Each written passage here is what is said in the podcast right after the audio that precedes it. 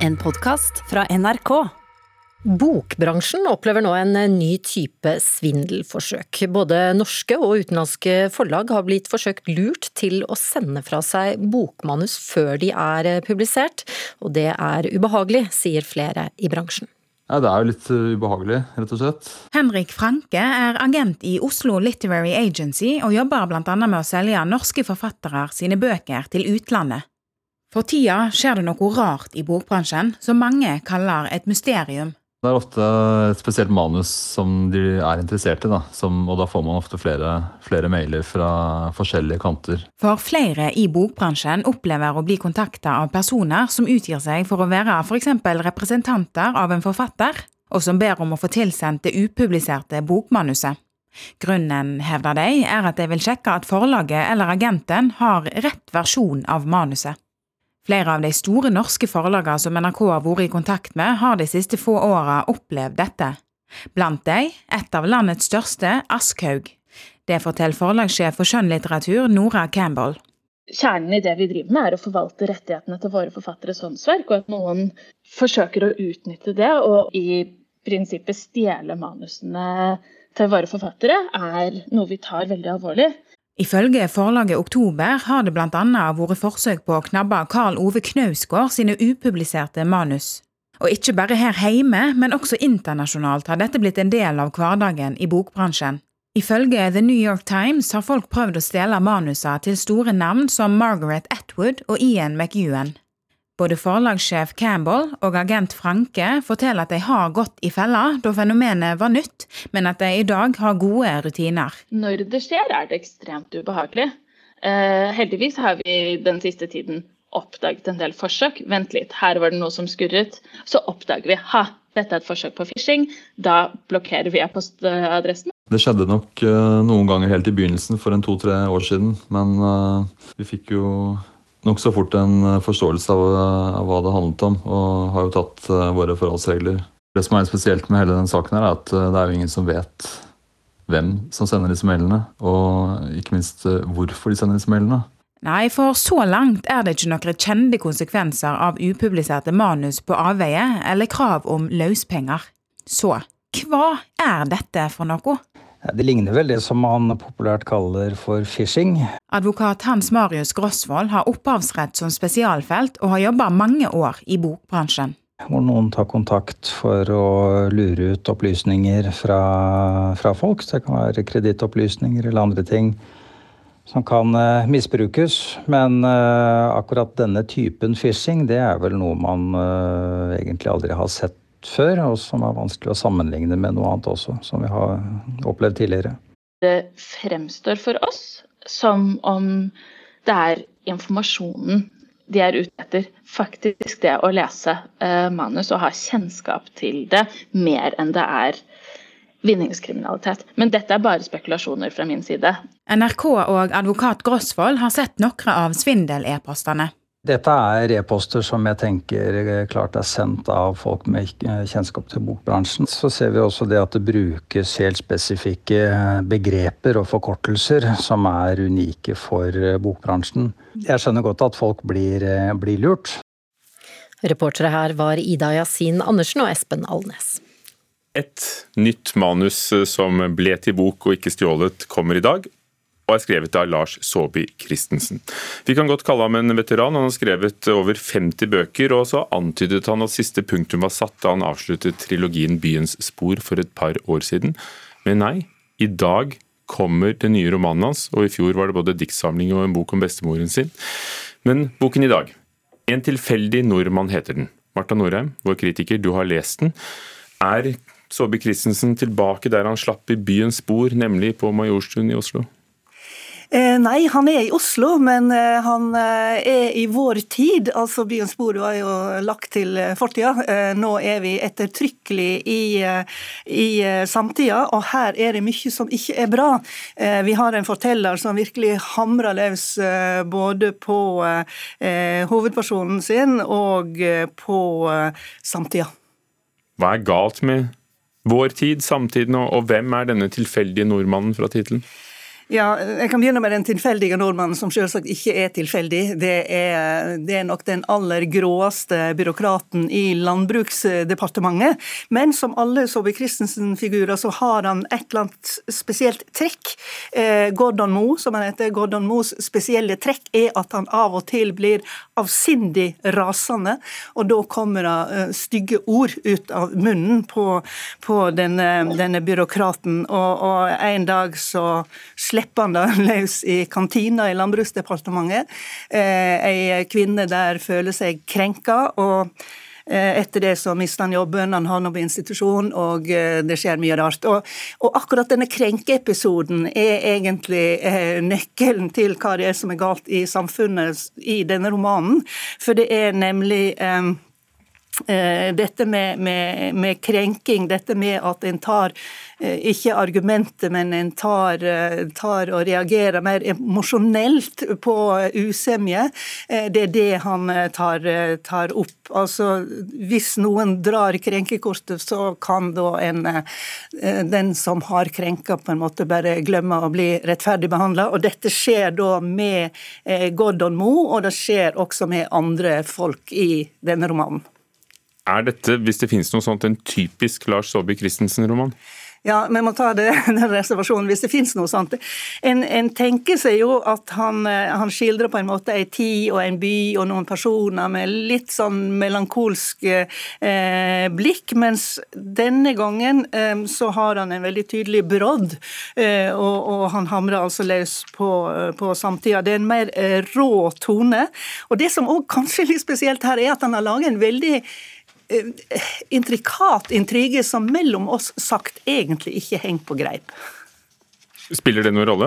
ja, ja det, kan kan jeg jo, spørre om. Altså, eh, jeg syns jo det er en svakhet ved romanen at den er såpass, eh, såpass eh, merkelig skrudd sammen. Men, og en skal også, for så vidt, hvis en er på minustingene her, ha en viss toleranse for blødmer av typen 'han kom til seg selv', hvem nå det måtte være. Altså Det er mye av det, litt for mye etter min smak. Men det som er bra her, er jo nettopp hvordan han Eh, kjører den satiren sin som er veldig frisk. Han har et uh, fargerikt uh, persongalleri som, som går innom liksom, sirkusmotivet, som jo er et kjent motiv hos, hos Saabye Christensen. og, og baksida av den satiren er jo at vi må vise hverandre sjenerøsitet og, og bære over med hverandre. så det er på plussida. Og så vil jeg si det virker som om Saabye Christensen har hatt det morsomt på jobb, og det er jo også et pluss. Og da blir det kanskje morsomt å lese. Lars Saabye Christensen, en tilfeldig nordmann, er uh, ute i dag, faktisk. Og denne ferske kritikken kom fra Marta Norheim, NRKs kritiker. Du kan lese alle anmeldelsene våre på nrk.no anmeldelser. Facebook har i dag blokkert muligheten for å dele nyhetssaker fra australske medier.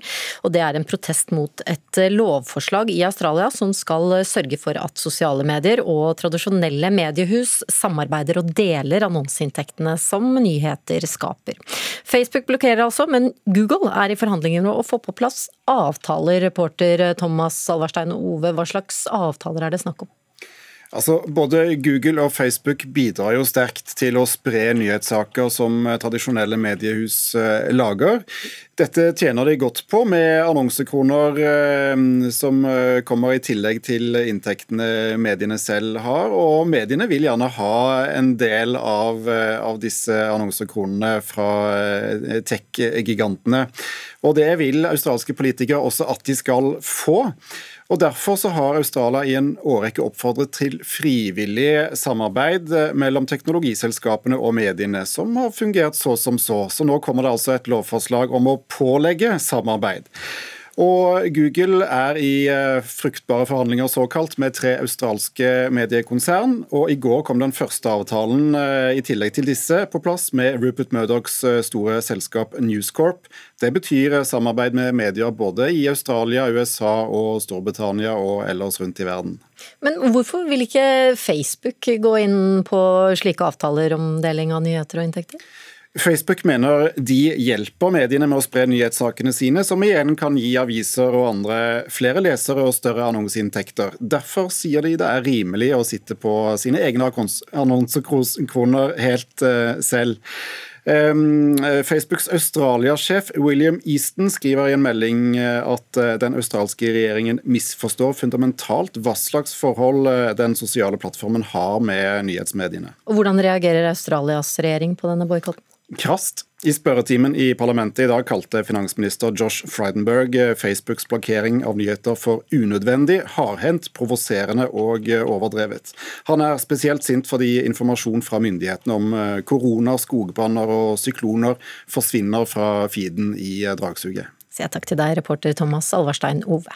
Dokumentarfilmen 'Framing Britney Spears' er blitt et samtaleemne etter premieren på strømmetjenesten Hulu i USA for snart to uker siden. I kveld vises den også på NRK TV. Birger Vestmo har sett den. Britney was so serious and so focused. This is a girl that's coming from strength. She was so open and vulnerable. How we treated her was disgusting. I Framing Britney Spears forteller regissør Samantha Stark sobert og nøkternt om den amerikanske superstjernas vei mot suksess på slutten av 1990-tallet, og det store fallet med ustabil oppførsel, tap av foreldrerett, rehabilitering og angrep på paparazzi et tiår senere. Den stiller først og fremst interessante spørsmål ved vergemålet hun har levd under siden 2008, og som noen mener å vite at hun ønsker seg ut av. Filmen har likevel noen innlysende problemer, først og fremst med sin ensidige presentasjon av problematikken, med klar slagside mot den såkalte Free Britney-bevegelsen. Det gjør det ikke mindre trist å se hvordan den unge, lysende og ambisiøse Britney vokste opp i et misogynt rampelys som til slutt tok knekken på hun, og den tar et indirekte oppgjør med vårt kjendis- og medieforbruk. Britney had to navigate being told who she could be and what she could do sort of. Filmens struktur og rammeverk er tradisjonelt, kanskje også litt tamt, men fungerer etter hensikten. Anslaget forteller hvordan Britneys vergemål har gitt faren Jamie fullmakt til å styre alt hun gjør og alt hun eier, og hvordan tilhengere har danna en bevegelse for å støtte hennes kamp for å gjenvinne kontrollen over sitt eget liv. Deretter går filmen tilbake i tid og gir greie om en litt enkle og raske beskrivelser av hennes familie familieforhold, veien mot berømmelse og fallet fra stjernehimmelen.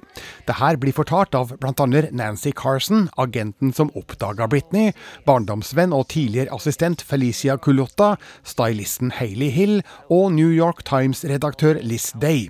Dokumentarens mange kilder på kamera gir den et litt for stivt preg av snakkende hoder, men de virker i det minste å ha verdifull innsikt. She accepted that the conservatorship was going to happen, but she didn't want her father to be conservator. That was her one request. And anytime there's that amount of money to be made, you have to question the motives of everyone close to that person. Man kan forstå engasjementet til Free Britney-aktivistene som står frem i denne filmen. Det kan jo være vanskelig å tro at en voksen kvinne som så ut til å ha kreativ stålkontroll, ikke skulle kunne ta avgjørelser rundt sitt eget liv og økonomi. Filmen har imidlertid òg andre perspektiver.